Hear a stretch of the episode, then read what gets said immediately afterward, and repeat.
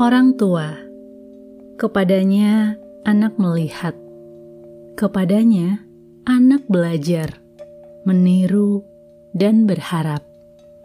Tapi tak bisa dipungkiri, tak semua orang tua sungguh-sungguh mengasihi anaknya. Nggak sedikit juga yang bahkan melukainya. Tak bisa dijadikan contoh, bahkan harap sebuah pribadi yang lahir dari sosok apa pun dikehendaki Tuhan untuk lahir di dunia.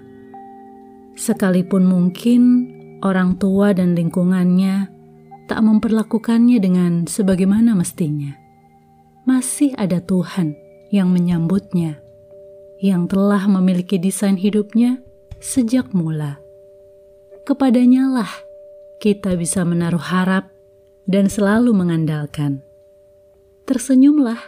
Hidup kita dirancangkan untuk akhir yang baik.